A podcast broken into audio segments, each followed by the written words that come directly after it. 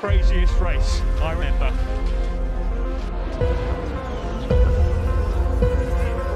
It's lights out and away we go. Yes, it's pole position. It's in there, Lewis. Come on! Yes! Toto? Yes. It's called a motor race, okay? Still we rise, guys. Still we rise. You just won the Hungarian Grand Prix. Well done, mate. He did it! Max Verstappen, you are the world champion. The world champion. שלום לכם מאזינות ומאזינים יקרים, אתם על הגריד, פרק ה-22, ששאלתם עליו אה, לא פעם ולא פעמיים, באיחור אופנתי, אה, התעכב קצת אה, בעקבותו של עמית שקצת אה, חלה. עמית, אתה איתנו? כן, הרכיבו אותי מהפאזל, בוא נגיד ככה, אה, אחרי מחלת הקורונה. אה, אז עוד פעם, אם אתם אה, שומעים אותי פחות טוב, או אני לא במיטבי, אז אה, מצטער מראש. אה, אוריאל, להגיד לך את האמת, נראה לי זה קצת מאוחר לפרק של ה grid למרוץ האוסטרי, אבל... איחור אופנתי, איחור אופנתי נקרא לזה ככה. אנחנו יותר קרובים למרוץ הצרפתי מאשר האוסטרי, אבל כן. אה, טוב, בכל זאת, אולי ננצל את ההזדמנות אה, בזכות האיחור הזה, או בעקבות כל מיני פידבק שקיבלנו, ולהגיד לכם שהפרק הזה, יכול להיות שהוא יראה טיפה אחרת ממה שאתם רגילים, אז גם אחר כך נשמח אם ייתנו לנו פידבק לחיוב או לשלילה בהתאם uh, למה שתשמעו בפרק הזה, ואנחנו מקווים שסך הכל תאהבו אותו. אז uh, יאללה, עמית, אפשר להתחיל?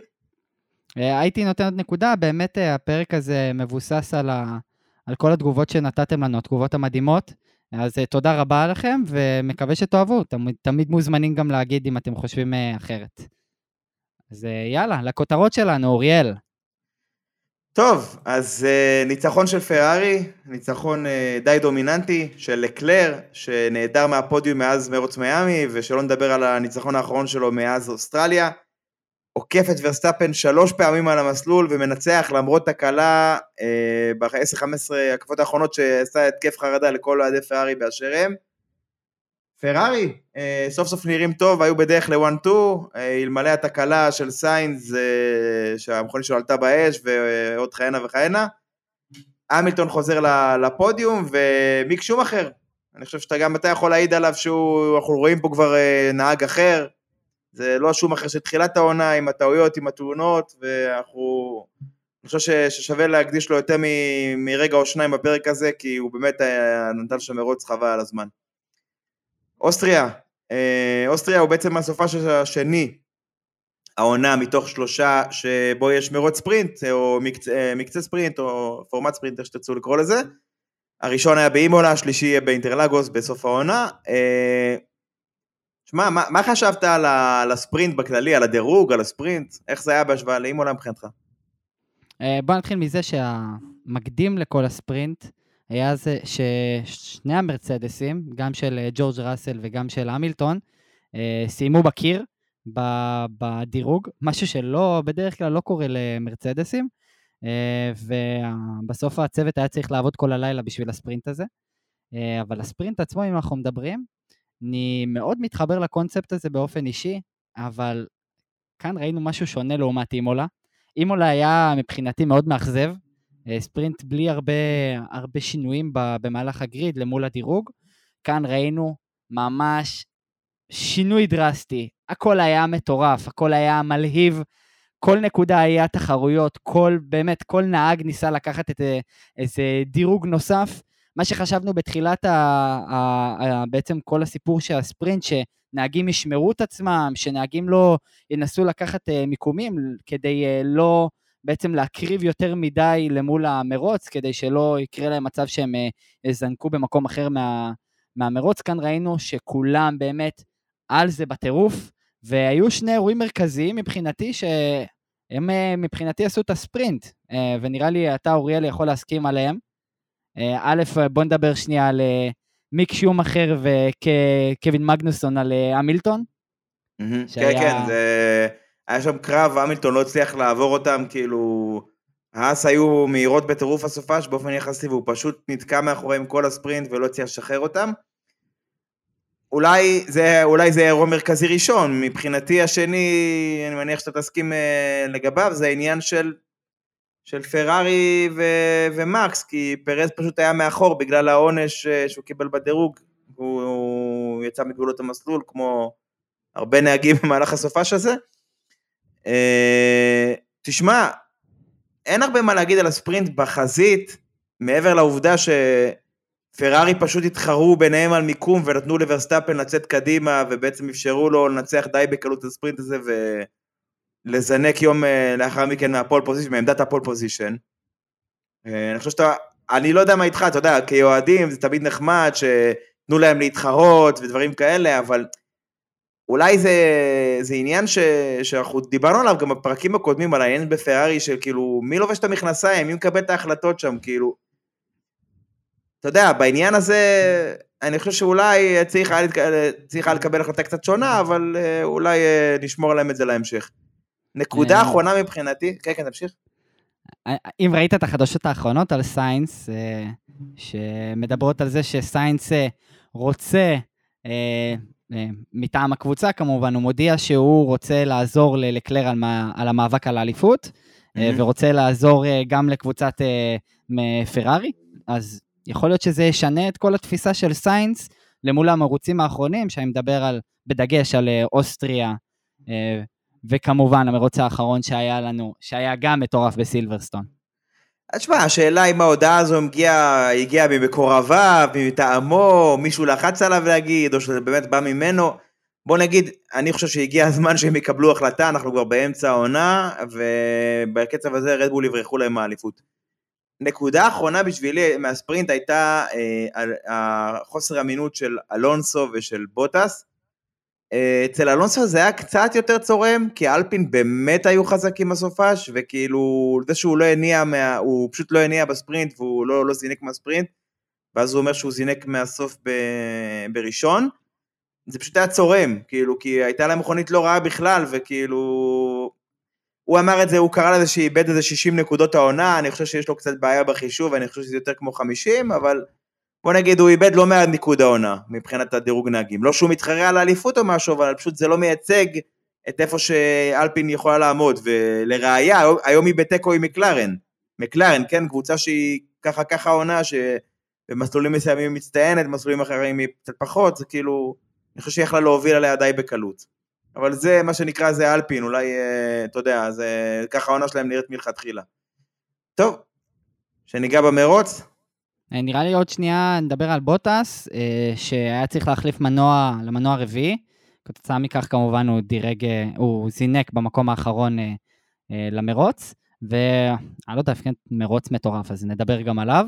יאללה, למרוץ. טוב, תשמע, לא יודע, הנקודה של בוטס הערה נכונה, כי המנועים של פרארי העונה, צריך לבוא להגיד, פרארי עשו צעד, קפיצת מדרגה, אוקיי, מהשנה שעברה, ובטח אה, ב-2020, מאז שכל הסיפור שהיה כן חוקי, לא חוקי, הם היו מנוע מאוד מאוד חלש, הם עשו קפיצת מדרגה מבחינה זו השנה, אבל האמינות היא לא בשיאה. זה גואניו ז'ו שפרש כמה פעמים, זה בוטס, שלא לדבר על הצמד של פרארי שפרשו כמה פעמים כבר בעקבות תקלות אמינות כאלה ואחרות. אתה יודע מה, כקבוצה, אולי זו נקודה למחשבה. אני חושב שעדיף לך להיות עם אה, רכב מהיר אבל לא אמין, מאשר כאילו רכב אמין אבל שאתה מאחור, שאתה צריך לתפוס את ה... את ה- את הדבוקה נגיד מקדימה, כמו שמרצדס נמצאים כרגע, אבל האמינות של המנועים של פרארי לא, לא נראית מזהירה להמשך העונה, ואני חושב שלא מן הנמנע שחבר'ה כמו סיינס, כבר צרפת מעבר לפינה, י- יראו כל מיני עונשים בהמשך הדרך, אתה יודע, יזנקו מהסוף, ומניח שזה ישפיע על האליפות.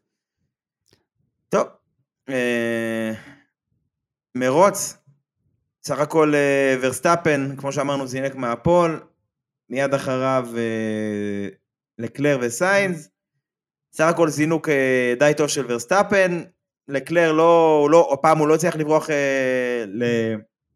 ללקלר, מקס לא הצליח לברוח ללקלר, ואני חושב שתגיד לי אולי אם ראית את זה או לא במקרה, אבל אתה, יצא לך לראות את הריאיון של לקלר בשבת אחרי, אחרי הספרינט?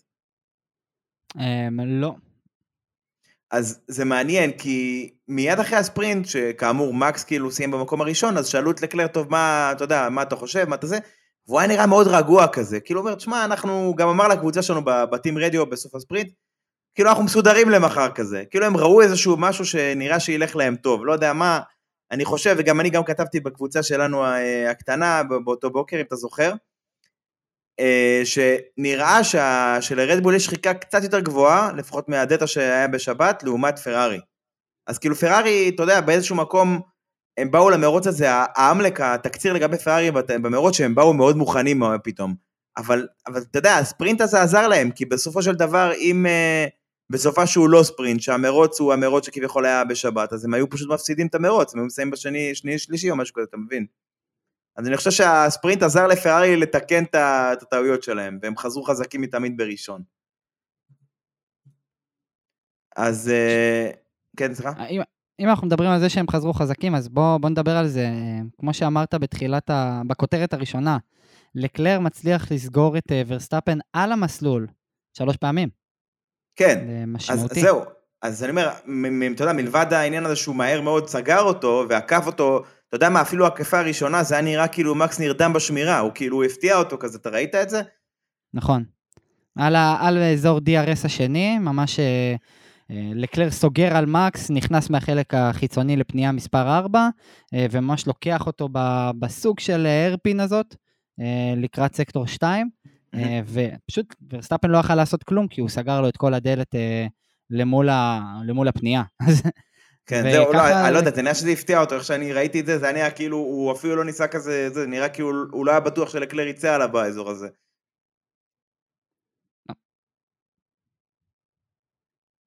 מעבר לזה, היה גם את העניין של פרז ו... וראסל בתחילת המרוץ. בפנייה רביעית, אני חושב, הייתה תקרית ביניהם, אה, פרז היה בחלק החיצוני, ראסל בחלק הפנימי. אה, בעצם אה, ראסל פוגע עם השמאלי קדמי בימני האחורי של פרז, ומסובסב את פרז, ומעיף אותו לחצץ. לשניהם נגרם נזק, לפרז נגרם נזק קצת יותר משמעותי, שבגללו הוא נאלץ לפרוש בהמשך הדרך, לראסל זה החלפת כנף, והוא די הצליח להציל את המרוץ שלו, אבל מי שנענש בכל הסיפור הזה הוא ראסל. עכשיו, אני לא יודע אם אתה זוכר או מכיר, אבל החוקים החדשים, מה שנקרא rules of engagement, או החוקים החדשים בנוגע לקרבות על המסלול, הם, הם ניסו, ניסו לעשות איזשהו אישור קו כזה, שמי שנמצא מלפנים, אה, עם הרכב שלו מלפנים באזור האייפקס, בשיא של הפנייה, הוא נקרא לזה מקבל את הזכות של הפנייה, לא משנה מה כמעט, כמעט ולא משנה מה. שזה כאילו, יכול להיות שזה הוגן, יכול להיות שזה לא הוגן, במקרה של התקרית הספציפית הזאת, אני חושב שלא, שהיא לא הייתה צריכה להסתיים בעונש, בייחוד שמדובר בהקפה ראשונה, אני חושב שהם יכלו לסיים את זה בתקרית, אה, מה שנקרא תקרית מרוצים. גם אם תחזור ותראה את האונבורדים אחר כך, את המצלמות מהנהגים עצמם, אתה תראה שראסל היה על האייפקס ו, ופרז כאילו ליווה אותו כזה די צמוד, כאילו לפרז היה הרבה מקום, נקרא לזה שמאלה, לצאת אליו, אה, באשר אם אנחנו נרוץ טיפה קדימה, לגזלי ופטל, תקרית דומה, שפטל היה מהחלק החיצוני והשאיר לגזלי הרבה מקום, וגזלי פשוט, היה לו איזשהו אנדרסטיר והוא עף לתוך פטל, אז אתה מבין, אז כאילו, בעניין של ראסל פרז אני לא חושב שזה היה צריך להיגמר בעונש, בוא נגיד ככה. את האמת, אה, אני רוצה לקחת את זה ולעשות אפילו dive לבפנים כל האירוע שם, ולקחת אותך לבפנים הפנייה. הפנייה עצמה, אה, פנייה 4 מגיעה בצורה כזאת שהיא מגיעה מגבעה, ובעצם הגבעה מתפתלת לימינה, ויורדת בגובה. זה אומר שה apex עצמו הוא נטוי בצורה שהיא גבוהה. זה אומר שמתי שג'ורג' נכנס, הוא נכנס באמת על כל האייפקס, כשהוא פגע בו, האוטו טיפה כמו שהיה לפייר גזלי, האוטו קיבל אנדרסטיר, הוא לא יכל לקחת את, ה, את הפנייה כמו שהוא רצה, וכתוצאה מכך, מהשנייה שהוא לא יכל אה, לתת אה, את התשומת לב ל, לרכב מתי ש, שהוא בסוף אה, פגש בפרז, אז באמת פרז יצא לחצץ בעקבות זה. אז באמת, אם אנחנו מסתכלים, זה בגלל שזה בצורה של ירידה כל הפנייה הזאת, אז באמת לא היה ל- לראסל שום דבר מה לעשות, ולכן אני באמת מסכים איתך. אני חושב שבסוף ה-FIA צריכים להתחשב בנסיבות האלו, שכאן אה, ראסל נתן את כל, ה- כל ההזדמנות לפרז, פרז דחק אותו ממש בפנים, כי הוא, הוא נכנס... לגמרי, זה היה dive, זה היה dive, של, dive bomb של אה, פרס, זה היה dive bomb לגמרי, כאילו זה סוג של קביעת עובדה, תשמע, אני פה, כאילו, תתמודד, כזה, זה לא... זה... אני מסכים איתך לגבי ה input של, של, אה, של ראסל, זאת אומרת, אם אתה מסתכל על זה ב onboard, אתה רואה שהוא הפנה את ההגה, אתה צודק שהיה לו understeer והוא עף לפרס, אבל אתה רואה שהוא הפנה את ההגה. אם אנחנו חוזרים רגע לעניין של גזלי, אתה רואה שגזלי עם כמעט full אה, lock, זאת אומרת עם נעילה מלאה נגיד של ההגה ימינה לצורך העניין, אבל מבחינת המסלול שלו הוא בדרך החוצה מהפנייה, הוא הולך להיסחף החוצה מהפנייה, הוא לא הולך להשלים את הפנייה בצורה סדירה. עוד משהו שהייתי רוצה להגיד, אה, בסוף רוב ההקפה הראשונה היא הקפה ש, שבה יש הרבה תקריות, וכמו שאנחנו מכירים, אה, להלן סילברסטון, בדרך כלל מתי שיש תקריות בהקפה הראשונה, אני חושב שהן בדרך כלל תקריות ספורטיביות לחלוטין, ולא הייתי צריך, אני לא חושב שה-FIA צריך להיכנס כאן אפילו לעונשים, במיוחד במקרה הספציפי שהיה לראסל ופרז. שוב, אני מבחינתי עונשים זה בסדר אם הם מוצדקים. זאת אומרת, אם יש נהג שזו טעות שגרמה למישהו אה, לצאת מהמרוץ שלא, שלא כדין או שלא כזה, אז סבבה, צריך להעניש אותו, אבל אני מסכים איתך, אולי צריך טיפה יותר שיקול דעת אם מדובר בהקפה הראשונה. טוב, בוא נחזור לקצב שלנו, למרוץ עצמו. אה, ורסטאפן יוצא קדימה, לקלר לא משאיר לו הרבה ברירות, תוקף אותו על המסלול בפעם הראשונה, ו... ובונה איזשהו פער אה, אה, די בריא. אתה יודע, מהר מאוד נראה ש... שהשחיקה של הרדבול גבוהה בהרבה, כאילו מאשר זו של פרארי, כבר אחרי איזה 10-12 הקפות מקס צריך לעצור. פרארי נשארים בחוץ, אוקיי? פרארי נשארו בחוץ עוד איזה 10-15 הקפות. עכשיו, למה, למה זה כזה דרמטי? למה זה כזה משמעותי מבחינתם? דיברנו על זה בפרקים הקודמים, על כמה שפרארי מבחינה אסטרטגית עשו טעויות, והם לא היו מספיק החלטיים, ולא קיבלו את ההחלטות בזמן הנכון, ו, והרבה פעמים השאירו את ההחלטות לנהגים, ודיברנו על זה, ראינו את זה במונאקו, ראינו את זה בסילברסטון. עכשיו, פה אנחנו מדברים על סיטואציה שפרארי נשארים שניהם בחוץ, מקס יצא, הוא קבע הקפות די מהירות, עכשיו הוא כבר נכנס לטווח של ה undercut, מה זה אומר? זה אומר שברגע שנגיד יוצא, לוקח בערך 20 שניות לעצור באוסטריה, פלוס מינוס, אז הוא כבר נכנס, או 25, אני לא זוכר בדיוק את הטווח כרגע. כן, זה 25. 25, אז אני אומר, אז מקס כבר היה אה, בפער של פחות מ-20-25 שניות, זה אומר שלא משנה אם לקלר וסיינס היו עוצרים גם באותו רגע, הם היו צריכים לעקוף את אה, ורסטאפן על המסלול. עכשיו זה מעניין, פרארי, בגלל שלא הייתה להם שחקה כזו גבוהה, הם האמינו, ב, ב, הם האמינו ביכולת שלהם לעקוף את מקס גם בהמשך, והם השאירו אותם בחוץ. כאילו, אתה יודע, אני הסתכלתי על זה ואני קצת הייתי מופתע מהם, כי זה לא מה שהתרגלנו אליהם, אתה יודע. אז מעניין שהם ככה באמת השאירו אותם עוד איזה 10-15 הקפות, בידיעה שהם מסוגלים לעקוף את מקס על המסלול, שיש להם את המכונית המתאימה הפעם. כן, כן, זה, שמע, זה, עוד פעם, אסטרטגיה מצוינת של פרארי. אה, סוף סוף היא מובילה באסטרטגיות לעומת רדבול, ואני רוצה לקחת אותך לעוד בן אדם שלקח אפילו טיפה יותר את הצמיגים, זה המילטון. המילטון עם אה, מרוץ מטורף, אבל בקטע של הצמיגים, נראה שלעומת שנה שעברה, שבה הוא התלונן הרבה על שכיח, שחיקת אה, צמיגים, כאן רואים שהוא מצליח לשמור על הצמיגים, ואפילו יתר על המידה. כן, עוד משהו נחמד שהיה עם המילטון. אה, עוד משהו נחמד שהיה אה, להמילטון, בונו, אה, בסוף המהנדס הראשי של, של המילטון לא השתתף באוסטריה, ומעניין, למרות שבונו לא היה, עדיין המילטון מצליח לקחת מקום שלישי. אולי בעקבות שהוא לא היה, אולי בעקבות שהוא לא היה, אז לא, לא יודע המקום השלישי, אולי בעקבות שהוא לא היה, אז להמילטון לא היה על מי להתלונן על הצמיגים, על השחיקה, אבל כן, זה משהו, זה קונספירציות כבר. כן, תשמע, מרצדס, נטו כאילו, מבחינת הנתונים שיוצאים מזמני הקפות, דברים כאלה, אז מרצדס אה, שוחקת את הצמיגים שלה הרבה פחות לעומת פרארי ורדבול העונה. אני לא יודע אם זה יישמר ככה, אבל אה, לפחות באוסטריה זה, זה, זה היה המצב, זו הייתה תמונה.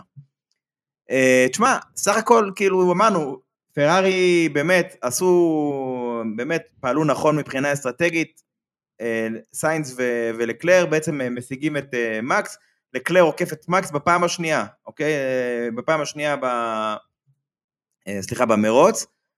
אה, מן הסתם היה לו צמיגים קצת יותר טריים באיזה 10-15 הקפות, כי הוא עצר קצת אחריו, ומקס כאילו נאלץ לעצור קצת אחרי זה בפעם השנייה, כי אין מה לעשות, השחיקה הייתה יחסית גבוהה למדיומים, לצמיגי המדיום של רדבול. זהו, ו... וככה לקלר ממשיך, אה, נקרא לזה, יותר לשמר את הפער, או למרות שמקס יצא החוצה ושוב קבע הקפות מאוד מאוד מהירות, שסגרו את הפער די, די, די בזריזות, לקלר אפשר להגיד די הגיב לו כזה, כאילו כל מה שהיה למקס לעשות הוא הגיב בחזרה בהקפה אה, דומה, או לפחות לנסות לשמר, או, או, או לא לצמצם את הפער עד כדי כך. ובסופו של דבר לקלר אה, עוצר בפעם השלישית, שזה גם מהלך אה, מעניין של, אה, של פרארי, גם עם אה, לקלר וגם עם אה, סיינס לדעתי. ואז כאילו לקלר, אה, אה, כמו שאמרנו, עוקף את מקס בפעם השלישית, ואנחנו נשארים איזה 10-15 הקפות לקראת אה, סוף המרוץ.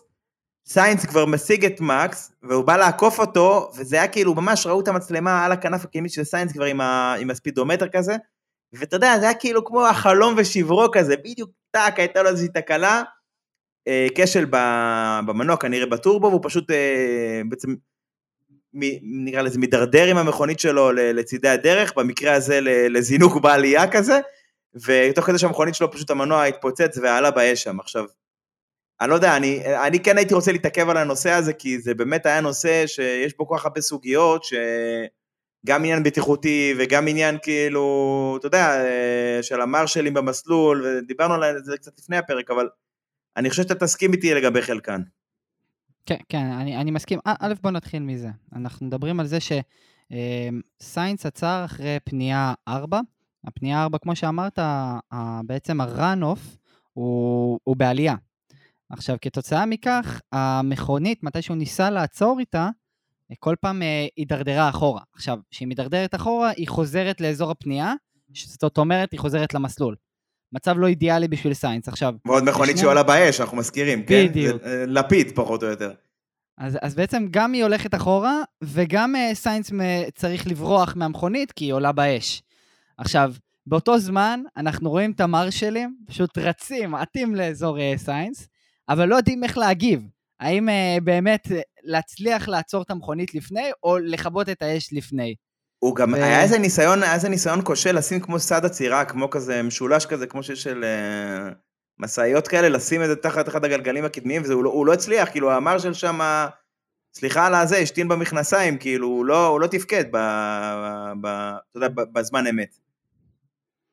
עכשיו, אני, אני רואה כאן כמה דברים. א', איך במסלול כזה עם uh, run-off, למה לא שמים חצץ? כאילו, אם אנחנו רואים שיש כאן uh, בסוף אזור מילוט, אז שהוא יהיה מילוט, ולא אזור שבסוף יכול לגרום לנזק uh, מצד אחד. אז אם, אם זה אזור כזה, אז בואו נשים בו חצץ, ונאפשר בעצם למכוניות להישקע לתוך האזור הזה במקום uh, ל, אפילו ברמה של להיות יותר פגיעים כתוצאה מהסיטואציה הזאת.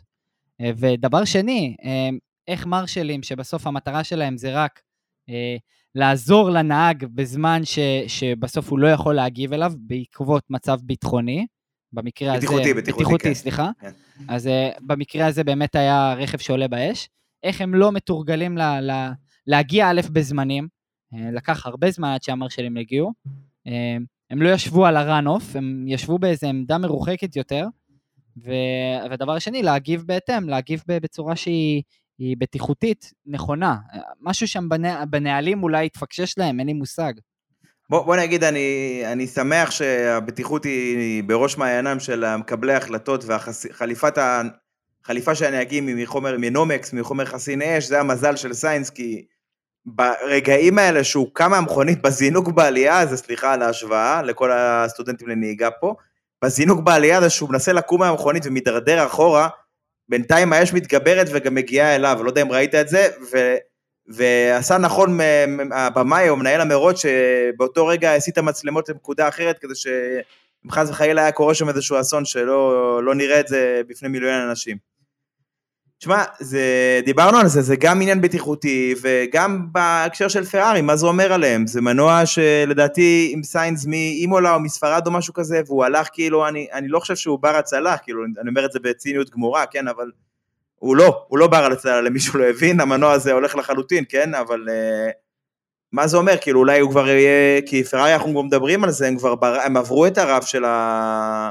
הרף המותר של רכיבים העונה, ברוב המקרים, זאת אומרת כמעט כל דבר שהם יחליפו יגרור עונשי מיקום, זה אומר להתחיל מהסוף, ובעונה שאתה מתחרה על האליפות זה לא אידיאלי, ואנחנו רק במחצית העונה, אנחנו רק בנקודת המחצית, זאת אומרת יש לנו עוד 11 מרוצים.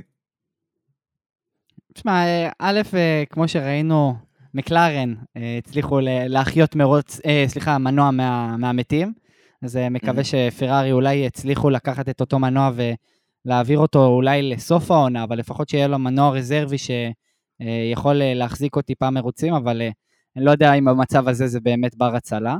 אני אה, חושב שהם קראו קדיש באותו רגע, אני לא חושב ש... זה- שקבעו, ש... בא מרשל קבע שעת מוות, רשם על המנוע את השעה והלך הביתה, זה לא... זה... אני לא חושב שיש מה להציל שם. אתה יודע מה, אתה כבר דיברת על מקלרן, בוא, בוא שנייה נתעכב עליהם. אה, מקלרן היה להם את התקלות, ב- את התקלות ביום שישי עם המנוע של נוריס, שהיה צריך להחליף למנוע ישן יותר, שים לב, הוא היה במנוע נכון. חדש, מנוע חדש שהלך לו, לא יודע אם לגמרי, אבל uh, הוא נאלץ להחליף למנוע ישן יותר, עם הרבה יותר קילומטראז' שמן הסתם חלש יותר. Uh, למרות זאת, אני כן חושב שנגיד לזכותו של נוריס שהוא נתן מרוץ מעולה. ואני חושב שבשבילי השיא של המרוץ שלו, חוץ מהעונש חמש שניות שהוא קיבל שם, זה כבר נושא אחר, זה גבולות המסלול, אם אתה רוצה אפשר גם אה, להתייחס לזה. השיא של המרוץ מבחינתו, בשבילי, זה הקרב המחומש הזה, בינו לבין צמד האסים, לבין אה, גואניו ז'ו ואלונסו איכשהו. משהו ב... ב אתה, אתה זוכר במה מדובר? אתה זוכר את הדבר המטורף הזה? שמע, אני- לא ראיתי הרבה קרבות כאלו בפורמולה 1. אה, חמישה מכוניות, חמש מכוניות אה, מגיעות, אחת אחרי השנייה, לאזור פנייה אחד. מגנוסון, בגלל שהוא מנסה לעקוף את אלונסו, מאט את כל, ה, את כל הטריין הזה, בצורה כזאת שכולם מקבלים DRS ל, אה, בעצם לאזור DRS הראשון, עד פנייה מספר 3, וכתוצאה מכך, פשוט כל המכוניות מנסות לקחת ליינים שונים לחלוטין כדי להגיע בצורה טובה לפנייה 3, שכמו שאנחנו יודעים, פנייה 3 באוסטריה, זו אחת הפניות הכי מרתקות, הכי מעניינות, הכי מגניבות בסבב. היא בעצם פנייה בעלייה ממש קיצונית, שבסוף האייפקס עצמו הוא בצורה כזאת שהוא יושב על אזור מישורי. זה אומר שאם אתה תופס אותו נכון, אתה לקחת את הכל, לקחת את כל הג'קפוט. אז הנה, ראינו קי- קיימק, קיימק. שמר את זה לדעתי גם. אז, כאילו, אז אה, ראינו ב, ב, במהלך המרוץ את לקלר עושה באמת מהלך על, אה, על מקס עם האזור אה, אייפקס, אבל מי שעשה כאן את המהלך שאכל את כל הקלפים, זה היה נוריס. נוריס בעצם לוקח שתי מכוניות בפנייה הראשונה, בפנייה שנייה שלישית, בעצם פנייה שלישית הוא מצליח עוד לקחת, בגלל שהוא לוקח מהאזור הפנימי, מנצל, הוא מנצל את זה ולוקח גם איזה עוד שתי מכוניות ומצליח לעקוף גם את אלונסו. יפה, כן, אני, אני, אני חושב ש, שבסוף קיימג הצליח לשמור על זה, אני לא בטוח אה, אם בסוף כאילו, זאת אומרת, הקרב הקטן הזה, אבל גם נוריס בסוף היה לו איזה חמש שניות שהוא בגלל זה הוא פספס להאסים קצת את המיקום. למרות החמש שניות, אה, לנדו מסיים שביעי, שזה... כל הכבוד ל- למקלרי, אם אנחנו מדברים, גם סוף סוף, אה, דניאל ריקרדו מסיים בניקוד, אחרי, אני לא יודע כמה מרוצים, זה, זה חמישה, שישה? אני... תקן אותי מה, זה לא. לא, לא פשוט בשבילו, לא פשוט בשבילו, אני בטוח, כאילו, מבחינה מנטלית, גם כל ההערות האלה של זאק בראון לעיתונות, גם כל השמועות על כל הנהגים הצעירים שמקלרן הריצה בפורטימאו בשבוע האחרון, כל מיני קולטון הרטה, ושכחתי את שמו, אה, יש להם נהג מקסיקני מתחרב עבורם באינדיקר, אה, פאטו וורד, נזכרתי. אתה יודע, הריצה כל מיני חבר'ה צעירים, זה קצת, אתה יודע, זה כמו כזה שאתה, מישהו בא, עם, נכנס לך עם מטר למשרד ומודד איפה נכנסת הפלזמה כזה, אתה מכיר את זה? כאילו. אז זה, זה קצת, אה, אני חושב שריקרדו נכון לו עוד עבודה רבה, אני מקווה שהוא יצליח לשקם את, ה, את הנזק שהעונה הזו, הנזק התדמיתי שהעונה הזו עשתה לו, כי הוא, אנחנו יודעים שהוא יכול להיות נהג מהיר, וזה בטוח לא פשוט בשבילו. אה, יש איזה נקודה לעניין של העונשים, של גבולות המסלול. בעונה שעברה, אתה יודע, היה כאילו זה השתנה ממסלול למסלול, היו, הוראות שעה כאלה, נגיד בבחריין, פנייה 7, אה, אל, תג, אל תעברו את הקר, פנייה 10, אל תעברו את זה. עכשיו אמרו, חבר'ה, קו לבן. חצית קו לבן, נגמר הסיפור, ההרכפה שלך נפסלת, ב- אם זה דירוג. אה, חצית קו לבן כמה פעמים במרוץ, אזהרה, אזהרה, אה, ובסוף אה, גם עונש. אתה יודע כמה כאלה היו במהלך המרוץ? כמה, כמה כאלה? 43. וואו, וואו. עכשיו, זה די הרבה. אה, אני כן רוצה להגיד שבאוסטריה, בטח בפניות, אני חושב שזו פנייה 9 ו-10, לפני האחרונה והאחרונה, זה כזה בליינד אייפס, כזה פניות אה, אה, עיוורות, מה שנקרא, כזה, הם זורקים את המכונית כזה אל, אל, אל לתוך הפנייה, והם לא תמיד רואים איפה הם יוצאים, ובטח השנה, שיש את הצמיגי 18 אינץ' הגבוהים האלה, ומעליהם יש את הלהבים האלה, אה, הלהבים האלה שמטרתם טיפה, נקרא לזה להקטין את ההשפעה האווירודינמית של אותם גלגלים, את אותו אוויר מלוכלך. אז הנהגים מתקשים לראות את הפניות האלה, מתקשים גם במונאקו, גם במקומות אחרים, מתקשים לשפוט את נקודת הבלימה, מתקשים לראות האם הם עומדים בגבול, בגבול או שהם בדיוק חצו אותו בקצת. Uh, תשמע, זה לא מעט התראות, אבל uh, בסוף, אתה יודע, האכיפה צריכה להיות uh, אחידה, היא צריכה להיות כאילו, מה שנקרא, עברת, על, uh, עברת עבירה, תיענש, כאילו, אי אפשר כאילו לשחק משחקים בעניין הזה. שמע, 43 פעמים זה יוצא יותר משתיים לנהג. כן, גם היו גם לא, לא מעט כאלה שנענשו על זה, לא? כאילו, היו... נכון. לקלר היה עם אזהרות, ורסטאפן היה עם אזהרות, או יש כאלה שכבר חצו את האזהרות לכדי עונש, אמרנו נוריס, אמרנו כל מיני חבר'ה כאלה, גזלי, כמובן. האמת, אני, כן, כן, אני רוצה לתת כאן VIP, הכישלון בניקוד, מבחינת אזהרות, זה היה פייר גזלי, שגם קיבל חמש אה, שניות עונש, גם עשה את התאונה, התאונה המעצבנת הזאת עם פטל, שפטל יכל לי לסיים בניקוד, וכתוצאה מכך הוא פשוט סיים שם איזה מקום 18.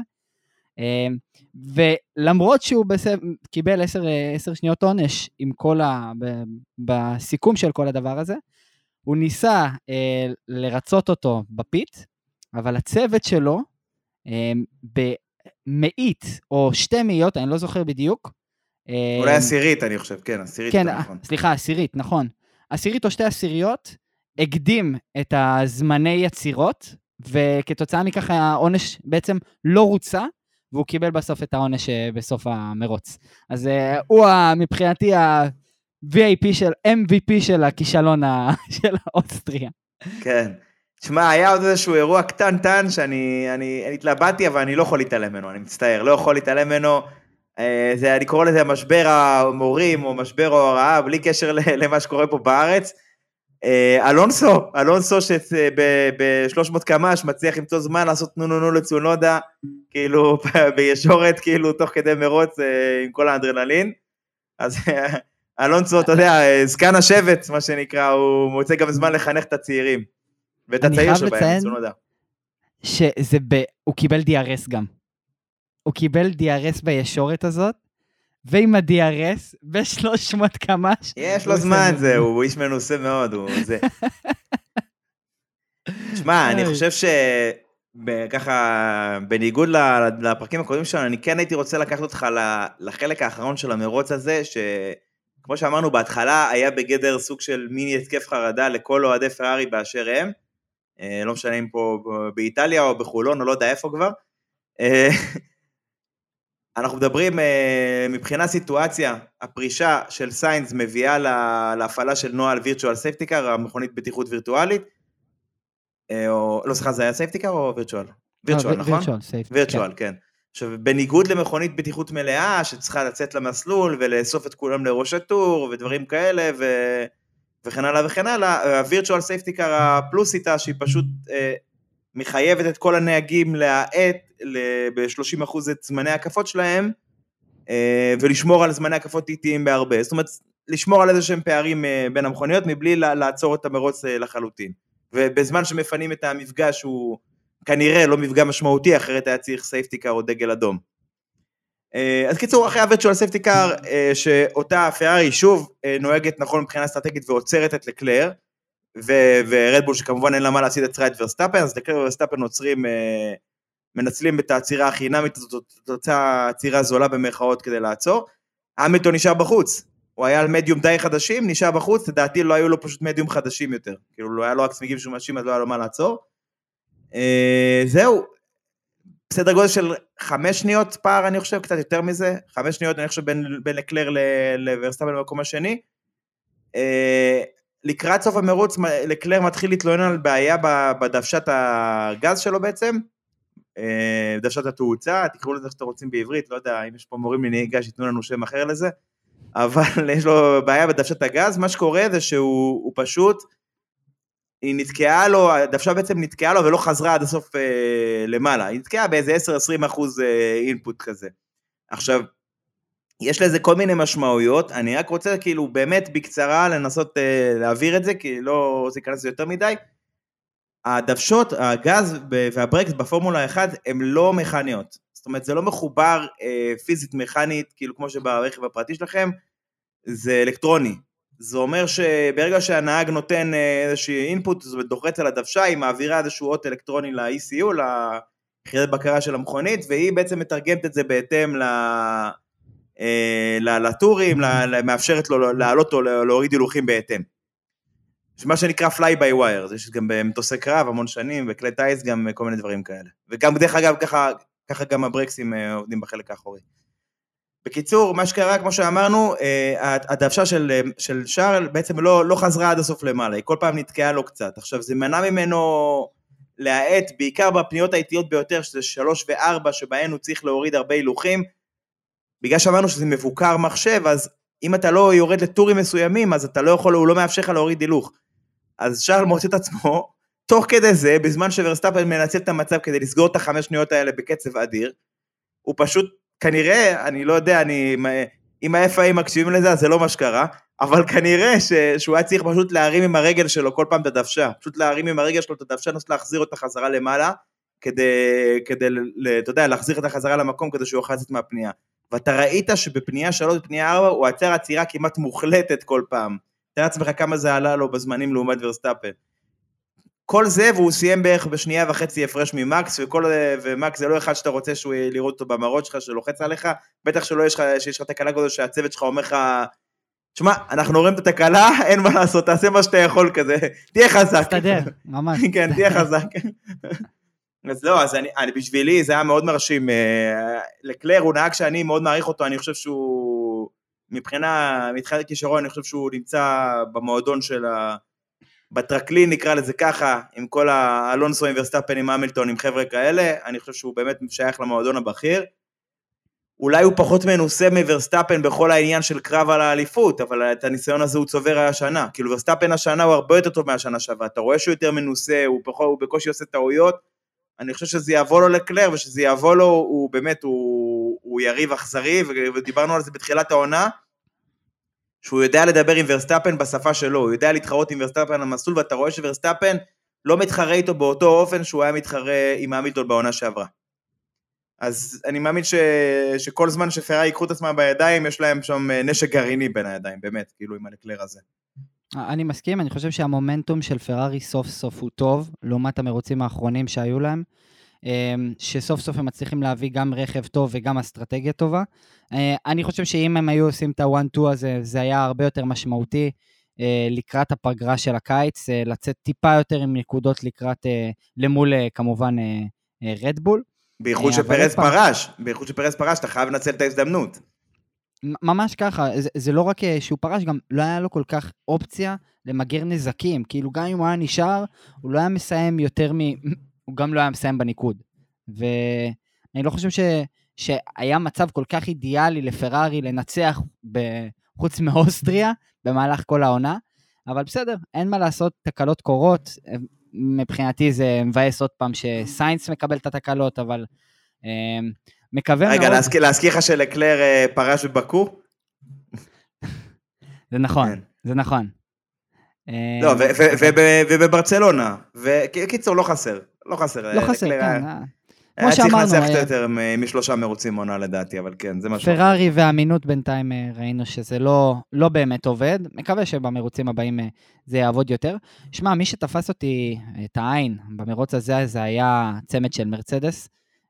נדבר שנייה על אה, המילטון. המילטון כבר מרוץ שני או מרוץ שלישי פודיום? אה, נראה לי שני, מרוץ שני. שני, שני, שני. אה, פודיום, שמע, הרבה זמן לא ראיתי את לואיס במיטבו ככה. לא, סליחה, שלישי, אתה צודק, גם קנדה, קנדה, סילברסטון ואוסטריה. כן, נכון, נכון.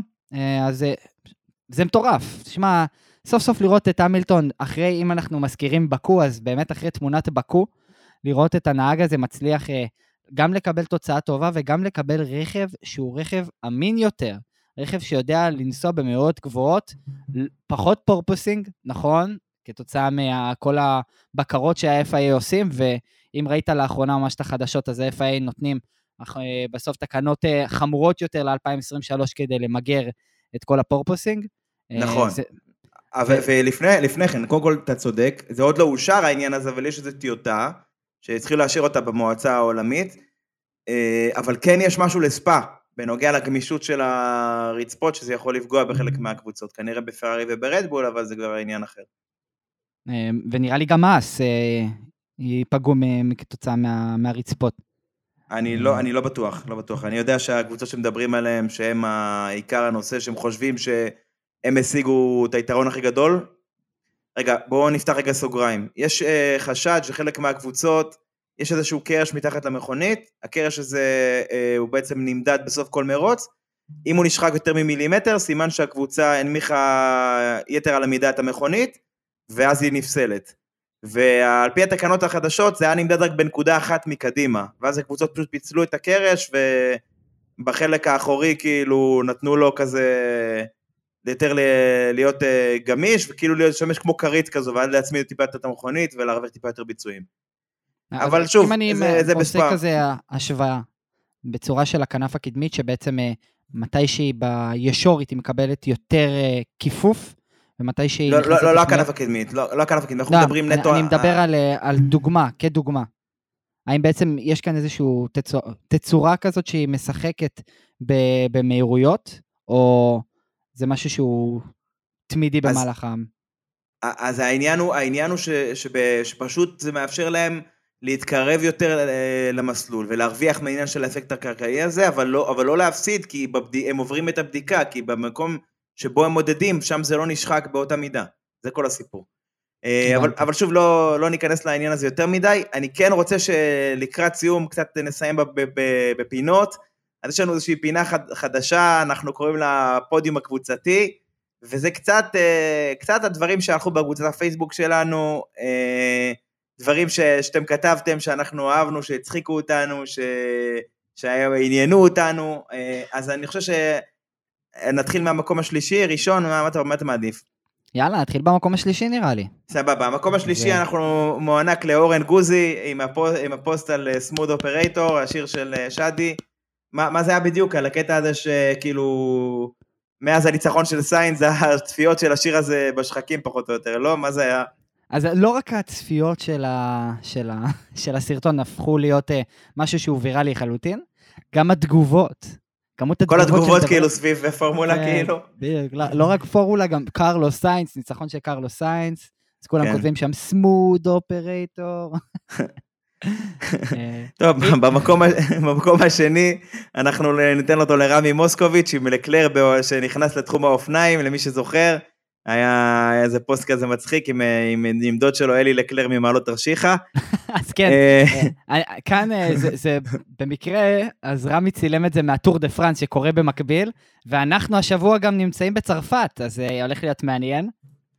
זהו, ואת המקום הראשון אנחנו ניתן לבימבה, לאבי אולשנסקי, שהוא והבן שלו מתכוננים בבימבה של מקלרן, שהיא לא כזה רחוקה מהבימבה הנוכחית של מקלרן, אולי אפילו יותר טובה ממה שהולכת סתם העונה, והם אה, ככה מתכוננים לקראת צרפת אה, בבית משפחת אה, אולשנסקי. אז אתה זוכה שלנו, תבוא אחרי זה, ניתן לך סוף שבוע זוגי בטנטורה, לא יודע איפה. בקיצור, זה, זה היה במעלות תרשיחא. כן. טוב, הטוב הרב המכוער, כמו תמיד. אני חושב שזו הפינה המוצלחת ביותר, עד, עד לאחרונה הפינה היחידה, אז גם הייתה הכי טובה. אה, אז טוב, עמית, מה, מה היה טוב בשבילך? נתחיל בזה, המרוץ. כאילו, לעומת uh, המרוץ הקודם שדיברנו בסילברסטון, שאני אני קצת סקפטי לגבי אוסטריה, uh, ואוריאל אמר לי, לא, לא, לא בטוח, אל תדאג, אתה תראה, זה יהיה מרוץ מטורף, אז כן, היה מרוץ מטורף, אחד הטובים העונה, אם לא הטוב ביותר, אני, יש איזה כזה, נקרא לזה, אני לא יודע בין להחליט בין uh, סילברסטון לאוסטריה, אבל uh, לגמרי אחד המרוצים הטובים. Uh, נתן לנו כל כך הרבה, א', זה הראה, מה, מה, מהצד שלי זה הראה שהמכוניות של 2022 מוכיחות את עצמם כל לגמרי. מרוץ מחדש.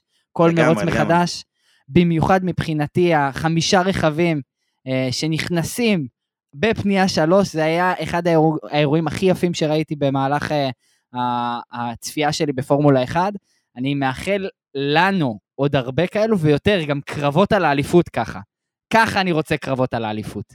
יאללה, אני, אני מצטרף לאיחולים. אני כן רוצה להצטרף אליך לטוב ולציין מישהו שלא התייחסנו אליו בפרק בסוף, וחבל, כי זה מיק שום אחר שסיים במקום השישי אחרי מרוץ עם סכין בין השיניים פשוט, כי הוא פשוט נלחם על כל מיקום, ומאז שירד לו הקוף הזה מהגב של להשיג ניקוד העונה, אחרי שהיה לו את כל התאונות של המיליוני יורו כל פעם, של ריסק את המכונית ל-20 אלף חתיכות, טוטל לא עושים שמה.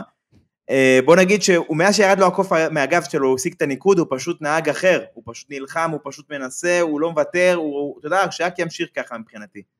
שמע, אה, יותר מזה, אני חייב לציין, הוא עקף את קווין מגנוסון, חברו לקבוצה, סוף סוף, גם, גם על המסלול, זה מראה עוד יותר על היכולת של אה, מיק. כי לעומתו, אנחנו מכירים את מגנוסון כ... נקרא לזה כבנצ'מרק טוב להשוואה. כי יפה, אנחנו, כן, מסכים. הוא לגמרי, הוא נהג טוב, הוא נהג מנוסה, הוא נהג שיודע את העבודה, הוא יודע לדרברר צ- תוצאות, ראינו אותו תחילת העונה, הוא נהג טוב. וראינו את מיק פשוט מצליח להביא תוצאה אחרת לחלוטין, הוא פשוט, יצא לו כל הצ'רקרות, לא יודע, משהו שם השתחרר לו, ברגים עפו באוויר, סוף סוף, סוף סוף, אני כל כך שמח בשבילו. כן. טוב, אז במה שנקרא, בנימה חיובית זאת, נמשיך לרע. אז מה, הרע שלך, מה היה הרע? אה, פרארי, המנוע של סיינס, משהו שם אה, לא, לא מתחבר, האמינות של המנועים של, אה, של פרארי, אבל ספציפית האירוע של סיינס היה נוראי, ונוסיף לזה פרארי גם זה לקלר עם הבעיה בגז, אה, שאם אם באמת, אני לא יודע, יכול להיות שהוא היה גומר שם איזה 10-20 שניות ממקס, כי בסוף לקלר היה הרבה יותר טוב ממקס, וראינו שהרכב שלו הרבה יותר מצליח להביא pace יותר טוב, אז אה, לך תדע איפה זה נגמר. זהו, גם שפרארי דומיננטית, היא עושה את זה בדרכה שלה, עם הרבה להבות אש וזיקוקים. אה, מכוער, מה היה הרגע המכוער? טוב, דיברתי על זה, זה נראה לי גזלי, פשוט אה, בדיחה אה, כל דבר, אבל אה, גם המכוער זה, אני חושב שגם המכוער זה היציאה מגבולות המסלול, ה-46 פעמים. לא יודע, אני, אני, אני, אני, אני כאן רוצה להישאר בגבולות צרפת, בייחוד כי זה המרוץ הבא שלנו. אם אתה התחלת כבר עם גזלי, אני רוצה להישאר באמת בגבולות, ולהעניק את הפרס הזה אה, לקבוצת אלפין. אני לא יודע, אני בשבילי, הפדיחה שהייתה להם בספרינט, שאלונסו זינק מהסוף אחרי סופש כזה, זה, זה בשבילי זה טעות אחת יותר מדי. הוא באמת עושה עבודה טובה העונה, וזה הדירוג שלו והניקוד שלו לא מייצג את העבודה הטובה שהוא עושה. אה, תשמע, אני חושב שזו נקודה טובה לסיים את הפרק הזה. טוב, אז אה, א', תודה רבה אוריאל. תודה, עמית. אה, מקווה שנהניתם מהקונספט החדש של הגריד. אה, כמובן, אנחנו ממש נשמח לשמוע מה אתם חושבים. עד לפעם הבאה, יאללה ביי. יאללה ביי.